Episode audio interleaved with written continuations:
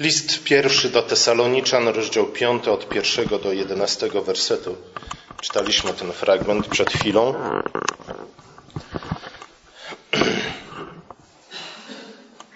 Chrześcijanie w Tesalonice zastanawiali się nad tym, w jaki sposób mogą, czy w ogóle mogą przygotować się na tak zwany Dzień Pański, na dzień, w którym Chrystus przyjdzie w swoim sądzie, po to, aby sądzić ziemię, e, w szczególności po to, aby osądzić swój lud, aby osądzić Jerozolimę. Dzisiaj również wielu chrześcijan zadaje sobie to pytania, kiedy powtórnie przyjdzie Chrystus i co wtedy będzie nas czekać. Apostoł Paweł, podobnie jak 20 lat wcześniej, Jezus, wzywa w związku z tym chrześcijan do czujności i do trzeźwości. Trzeźwości może nie w sensie abstynencji od alkoholu, ale trzeźwości w myśleniu i w postępowaniu. Innymi słowy, wzywa nas do roztropności. O Dniu Pańskim mówił wcześniej Jezus wielokrotnie, tuż przed swoją śmiercią, praktycznie każda Ewangelia mówi o znakach nadchodzącego Dnia Pańskiego. Ten temat był ważny również dla proroków Starego Testamentu. I tak na przykład Amos napisał: Biada wam, którzy z utęsknieniem oczekujecie dnia Pana. Na cóż wam ten dzień Pana? Wszak jest on ciemnością, a nie światłością. To tak, jakby ktoś uciekał przed lwem, a spotkał niedźwiedzia. A gdy wejdzie do domu i opiera ręką o ścianę, ukąsi go wąż.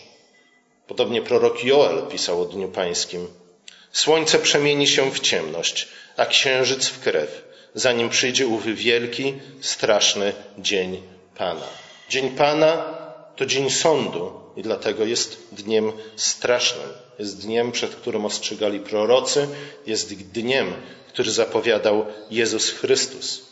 Nic dziwnego, że Tesaloniczanie dopytywali się o ten dzień i zastanawiali, w jaki sposób, jeśli w ogóle, mogą się przygotować na ten dzień. Apostoł Paweł odpowiada na to pytania, posługując się kilkoma metaforami. W pierwszej mówi, że Dzień Pański będzie jak złodziej, który zakrada się do naszego domu w nocy. I oczywiście, jeśli wiem, że, wiemy, że grozi nam takie niebezpieczeństwo, poczynimy odpowiednie przygotowania. Problem ze złodziejami niestety jest taki, że zwykle nie zapowiadają swoich wizyt. W związku z tym powinniśmy być czujni, Powinniśmy być trzeźwi, czyli roztropni, poczynić odpowiednie przygotowania na tę ewentualność. Apostoł wyjaśnia zaraz po tym, że kiedy porównuje nadejście Dnia Pana do wizyty złodzieja, to chodzi mu nie tyle o niebezpieczeństwo rabunku, nie chce, żeby Tesaloniczanie, chrześcijanie w Tesalonice bali się Dnia Pana, Raczej chce, żeby byli przygotowani na dzień Pana. I w związku z tym apostoł Paweł czyni bardzo ważną, istotną różnicę pomiędzy starą epoką, starym wiekiem, czasem ciemności, grzechu i śmierci, a nowym dniem, nową epoką, która ma nastać wraz z nadejściem Dnia Pana, czasem światłości, życia i nadziei. Z jednej strony więc zapowiada nadejście trudnych czasów, nawet w pewnym sensie do pewnego stopnia przerażających czasów, i tu posługuje się e, niespodziewanymi bólami porodowymi, ale z drugiej strony stwierdza, że mamy nie tyle bać się tego dnia pańskiego, ale, ale raczej być czujnym i trzeźwym, czyli przezornym. Czujnym i trzeźwym, ponieważ już wkrótce nadejdzie ten nowy dzień, który będzie wymagać porzucenia starych przyzwyczajeń, porzucenia nocnych przyzwyczajeń, nocnego trybu życia. To drugie wyzwanie do tego, abyśmy porzucili ten nocny tryb życia i przyjęli dzienny tryb życia, stanowi w gruncie rzeczy sedno tego fragmentu Pisma Świętego, zakończenia listu pierwszego do Tesaloniczan. Chrześcijanie, mówi apostoł Paweł, są istotami dziennymi, a nie nocnymi. Nawet jeśli reszta świata pogrążona jest w ciemności, my jesteśmy istotami dziennymi, należącymi do światłości, synami dnia. Duch Chrystusa zaświadcza, że Ten dzień zainaugurował, czy też ta nowa epoka, epoka światłości, została zainaugurowana wraz ze zmartwychwstaniem Chrystusa, które nie bez powodu dokonało się nie tylko pierwszego dnia tygodnia, ale także o świcie. Nie? Ten symbolizm nie powinien nam uciec nigdy w czytaniu relacji o zmartwychwstaniu pańskim ze względu na to, że jest bardzo ważny. Zabiera nas nie tylko z powrotem do opisu stworzenia świata, ale też mówi nam bardzo wiele na temat tego, co tak naprawdę zmieniło się w istocie, w samej, w samej naturze świata, w którym żyjemy wraz ze zmartwychwstaniem Chrystusa. To znaczy, mówi apostoł, że ci, którzy należą do Chrystusa, są dziećmi światłości, a nie dziećmi ciemności. W związku z tym, jako dzieci światłości, nie muszą bać się nadchodzącego dnia pańskiego. Nadchodzącego dnia pańskiego muszą bać się ci, którzy żyją w nocy. Nie? A zatem złodzieje, ci wszyscy, którzy pod płaszczykiem nocy chcą ukryć wszystkie swoje nikczemności. Łaską zostaliśmy wybudzeni ze snu do nowego dnia, do nowego życia. Jak napisał apostoł Paweł w liście do Kolosan, Bóg wyrwał nas z mocy ciemności i przeniósł do królestwa syna swego. Nie? To już się dokonało. Nie? To nie jest coś, na co my wciąż musimy oczekiwać. Podobnie Piotr dodaje, że Bóg już nas powołał z ciemności do cudownej swojej światłości. Znów mówię o tym w czasie przeszłym. Nie chcę wnikać tu w grecką gramatykę, ale posługuję się tutaj czasem, który mówi o tym, iż to, co wydarzyło się w przyszłości, ma nadal wpływ na teraźniejszość. Innymi słowy, i Piotr, i Paweł mówią, że to, iż zostaliśmy wyrwani z Królestwa Ciemności i przeniesieni do Królestwa Światłości, jakim jest Królestwo Boże, Królestwo Chrystusa, ma nadal wpływ na nasze życie, na nasze postępowanie. Następnie apostoł wspomina o ludziach, którzy powtarzają non-stop pokój i bezpieczeństwo, pokój i bezpieczeństwo. Wszystko będzie dobrze, nic się nie stanie, nic złego się nie stanie. Nie musimy się niczym niepokoić. Wszystko będzie dobrze. Paweł jednak stwierdza, iż takie słowa są, przynajmniej w tym przy, przypadku, tylko i wyłącznie zaklinaniem rzeczywistości, ze względu na to, iż wypowiadane są z jednej strony przez ludzi, którzy wciąż należą do ciemności, wciąż są synami nocy, ze względu na to, iż nie zaufali zmartwychwstałemu Chrystusowi, ale z drugiej strony te słowa możemy odnieść również do nas. Jako chrześcijanie nie powinniśmy powtarzać, przynajmniej nie powinniśmy czynić tego bezmyślnie, nie powinniśmy powtarzać słów pokój i bezpieczeństwo. Paweł mówi, że tak nie będzie.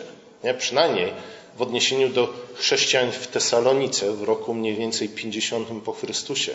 Nie? Paweł mówi, słuchajcie, to nie jest tak, że ponieważ należycie do światłości, jesteście dziećmi dnia, to nie spotka was nic złego. Nie? Że będziecie mogli się cieszyć niczym niezakłóconym pokojem i bezpieczeństwem. Do tego wrócimy przed chwilą. Chciałem tylko zwrócić uwagę na to, iż pokój i bezpieczeństwo było. Niektórzy z Was nadal pamiętają stare, rzekomo dobre czasy, kiedy na każdym wiadukcie, kiedy na, kiedy na każdym moście, kiedy na każdym zakładzie pracy wisiało co? Wisiały transparenty nie? z takimi hasłami e, zachęcającymi do czego? Do zaufania partii i jej przywódcom, do pilnej pracy dla wspólnego dobra, nie? ale także zapewniającymi o tym, że cokolwiek Reagan i jego hałastra wymyśli, my jesteśmy bezpieczni, ze względu na to, że na, straży, na straży naszego pokoju i bezpieczeństwa stoi co? Niepokonana Armia Czerwona wraz z Ludowym Wojskiem Polskim.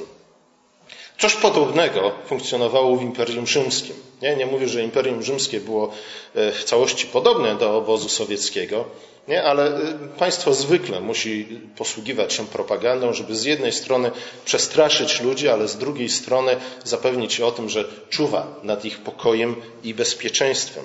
Imperium Rzymskie posługiwało się bardzo często tym sloganem pokój i bezpieczeństwo.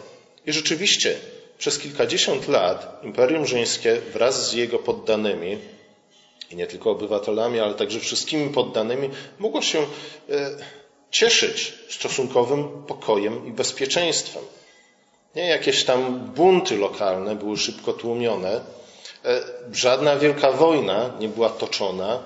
Wydawało się, że Imperium Rzymskie rzeczywiście osiągnęło moment w swoim rozwoju, gdzie było w stanie zapewnić swoim poddanym pokój i bezpieczeństwo.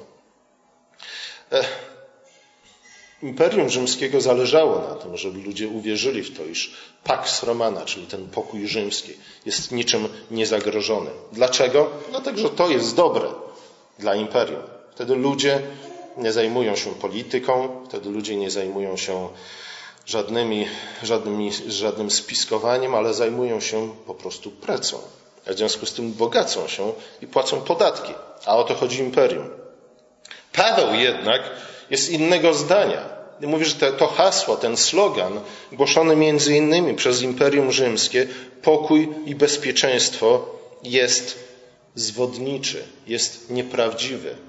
Z jednej strony, ponieważ żadne imperium nie jest w stanie zapewnić nam pokoju i bezpieczeństwa, a z drugiej strony Paweł mówi: Nie ufajcie, nie ufajcie tej imperialnej propagandzie, ponieważ już wkrótce światem wstrząsną konwulsje, które przyniosą zniszczenie i pożogę.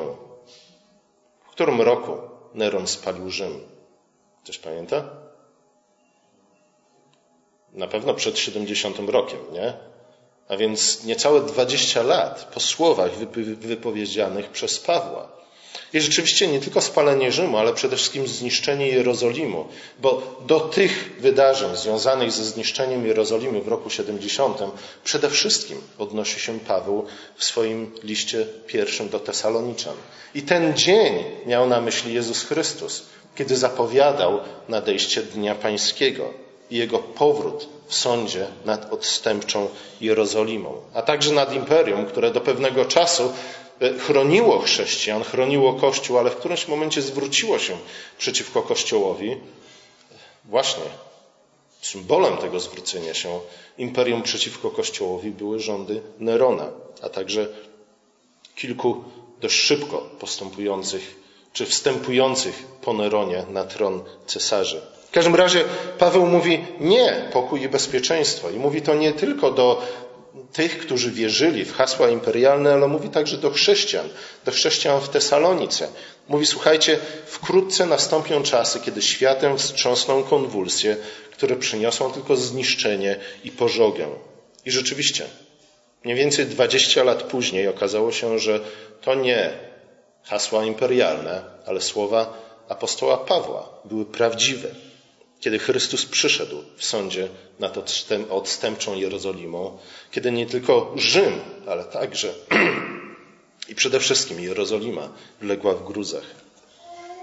Paweł zatem odpowiadając na pytanie Tesaloniczan, jak mają przygotować się na ten dzień pański, zadaje im inne pytanie. Mówi, słuchajcie, Przygotujecie się, przygotowujemy się wszyscy na ten nadchodzący Dzień Pański, o którym Jezus Chrystus powiedział, że nastanie jeszcze za tego pokolenia, które było żywe, kiedy On chodził po ziemi. Mówi, zastanówcie się nad tym, czy należycie do nocy, czy należycie do dnia. Czy jesteście dziećmi światłości, czy też jesteście dziećmi ciemności.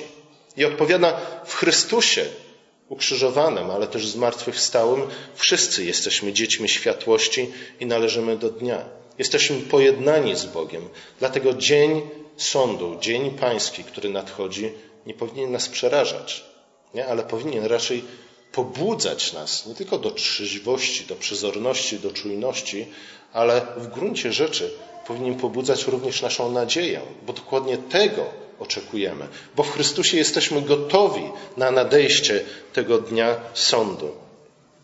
Nie jesteśmy dziećmi ciemności, błądzącymi w mroku, niepewnymi jutra, próbującymi zaklinać rzeczywistość, ale jesteśmy dziećmi światłości, w związku z tym nie musimy obawiać się dnia Pana, nawet jeśli nie wiemy, kiedy dokładnie nastąpi. I potem Paweł dodaje jeszcze jeden, ostatni obraz. Mówi, świat, świt, świt już zaczyna rozjaśniać horyzont. Bóle porodowe już zaczynają dawać o sobie. Złodziej czai się już w ciemności. A nawet samo imperium jest zagrożone. Dlatego musicie włożyć na siebie zbroję, Zbroją, którą jest wiara, nadzieja i miłość. Wiara i miłość są naszym pancerzem, nadzieja jest naszą przyłbicą. No i Paweł mówi, w ten sposób mamy przygotować się na nadejście dnia Pana. Tą trójcę Wiara, nadzieja, miłość oczywiście znamy przede wszystkim z pierwszego listu do Koryntian, 13 rozdziału, ale także w pierwszym liście do Tesaloniczan pojawia się ta trójca już wcześniej. Na samym początku, w trzecim wersecie pierwszego rozdziału, Paweł mówi, wspomina o wierze, o nadziei i o miłości. Teraz konkluduje swój list, odwołując się znów do tych trzech, do wiary, nadziei i do miłości. I mówi, że to one są naszym pancerzem, to one są naszą przyłbicą, to one chronią nas przed atakami złego i to one przygotowują nas na nadejście dnia Pana.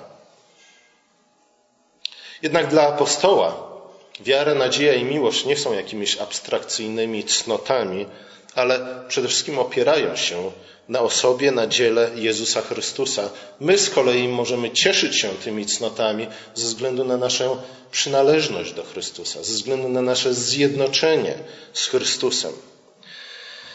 W dziesiątym wersecie Paweł po raz kolejny przypomina co jest w związku z tym naszym podstawowym chrześcijańskim wyznaniem wiary i w związku z tym, co tak naprawdę definiuje nas jako chrześcijan. Paweł mówi, że podstawowym wyznaniem wiary dla każdego chrześcijanina jest to, iż Chrystus umarł za mnie i zmartwychwstał. W związku z tym ja żyję w nim. Ten, kto w to wierzy, ten, kto to wyznaje, jest chrześcijaninem.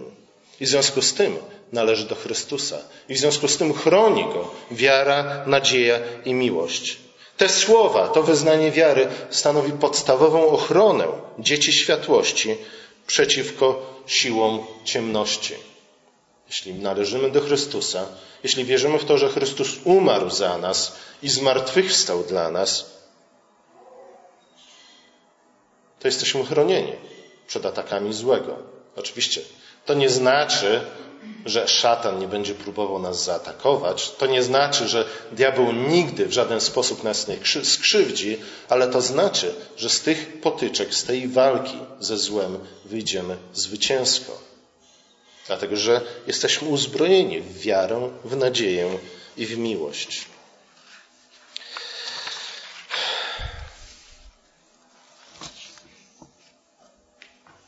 Paweł konkluduje swoje wywody na temat Dnia Pańskiego słowami: Dlatego napominajcie się nawzajem i budujcie jeden drugiego, co też czynicie. Te słowa jak najbardziej należą do wywodu dotyczącego tego, jak Tesaloniczanie mieli się przygotować na dzień Pana.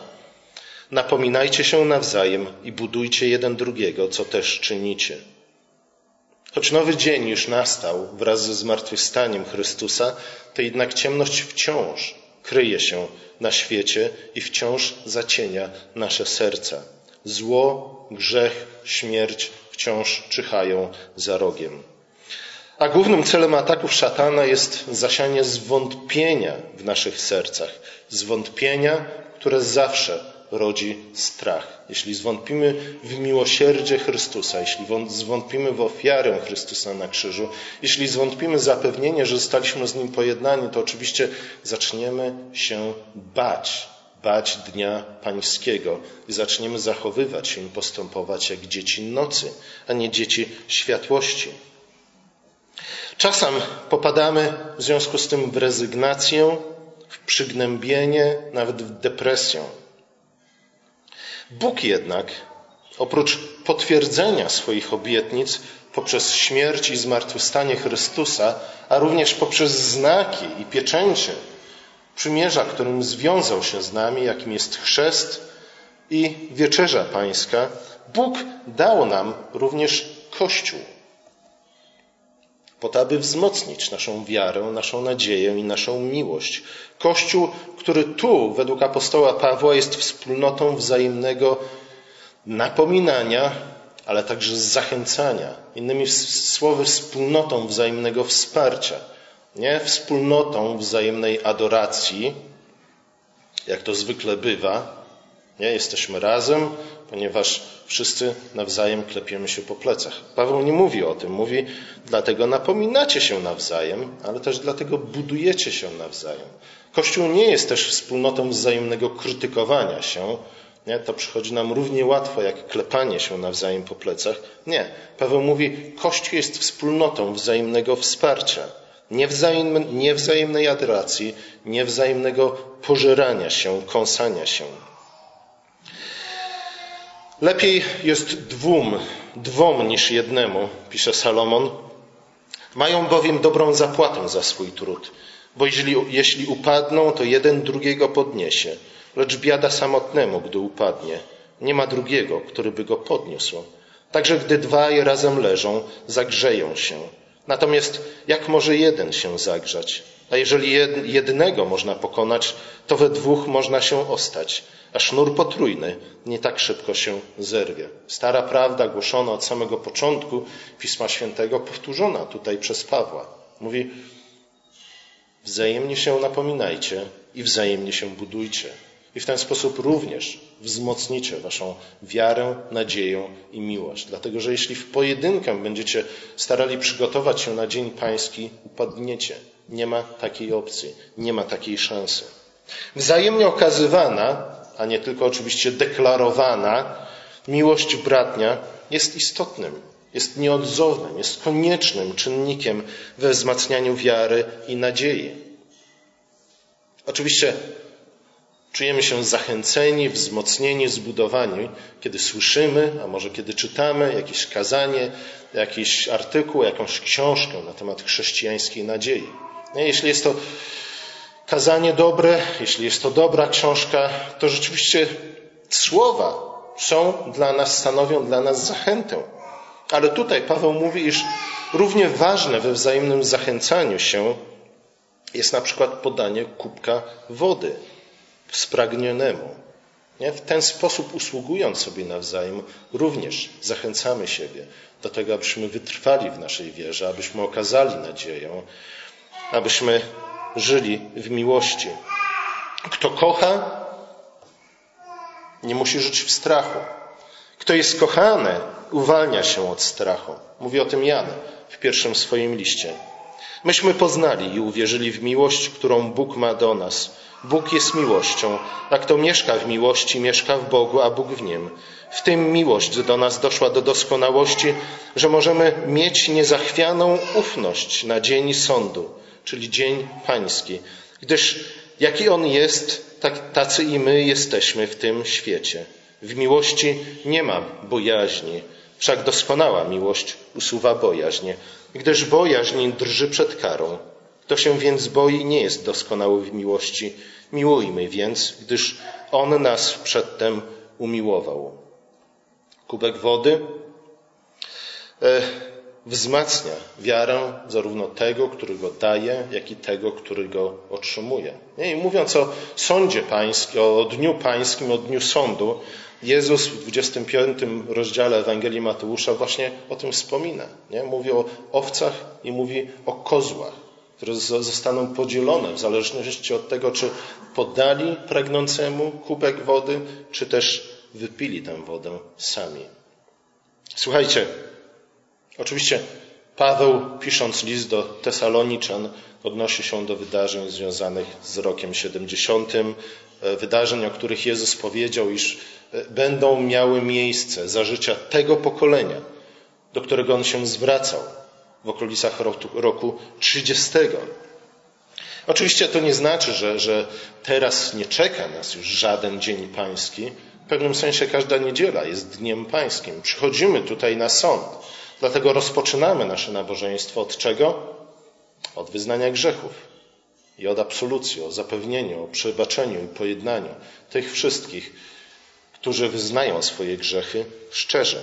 Nie? Jest to dzień sądu, dzień pański. Może dlatego niektórzy wolą omijać tę okazję i nie spotykać się z Kościołem po to, aby nie usłyszeć słów zwiastujących sąd.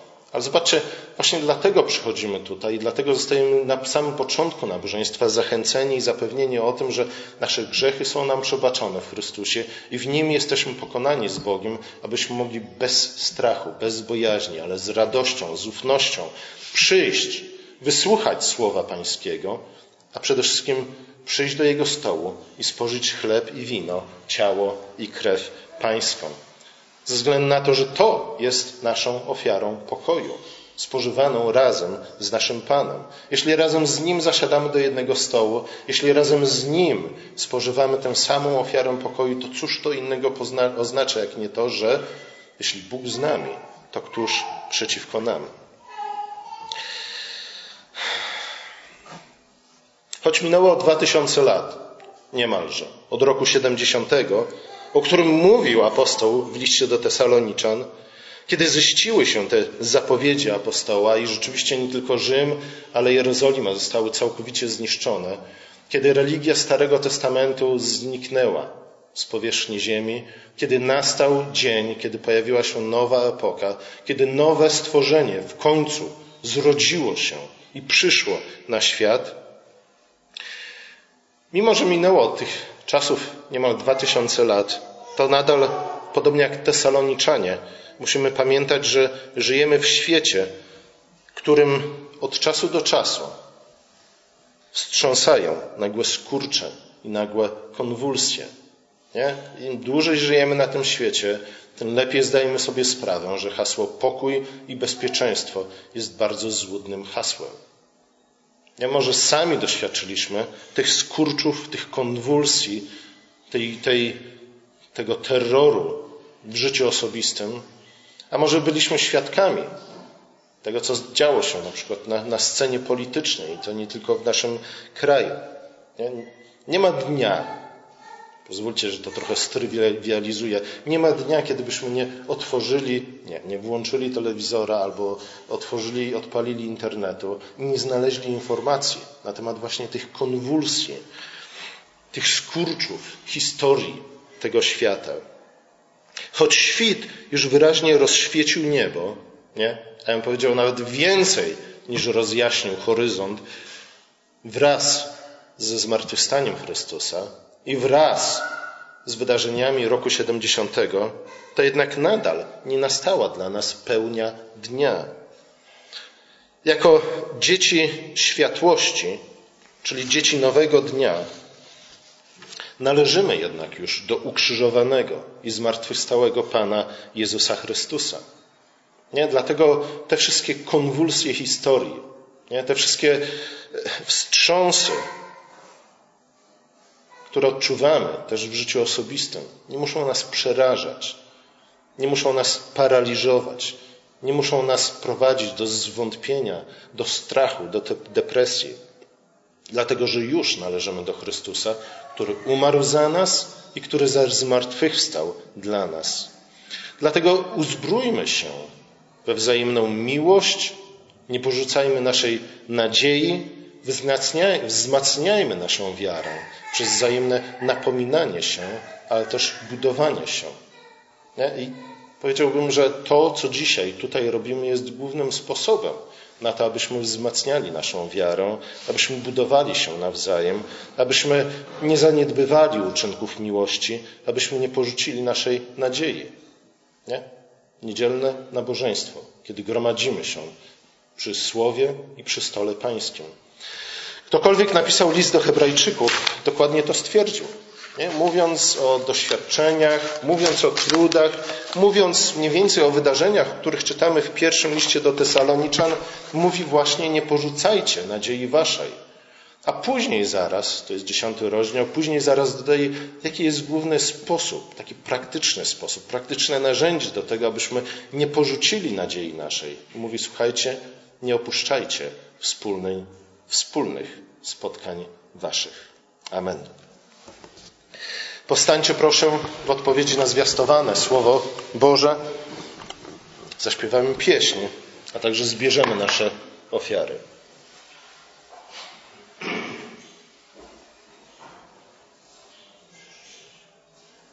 A słuchajcie, yy, mój błąd, możecie zbierać ofiary jak najbardziej. Zaśpiewamy nową pieśń. Powinniśmy tak naprawdę ją przećwiczyć. Usiądźcie sobie w związku z tym, usiądźcie. Powinniśmy tak naprawdę przećwiczyć ją przed nabożeństwem. Mój błąd. Yy... Usłyszycie za chwilę. Jedna zwrotka? Czy dwie zwrotki?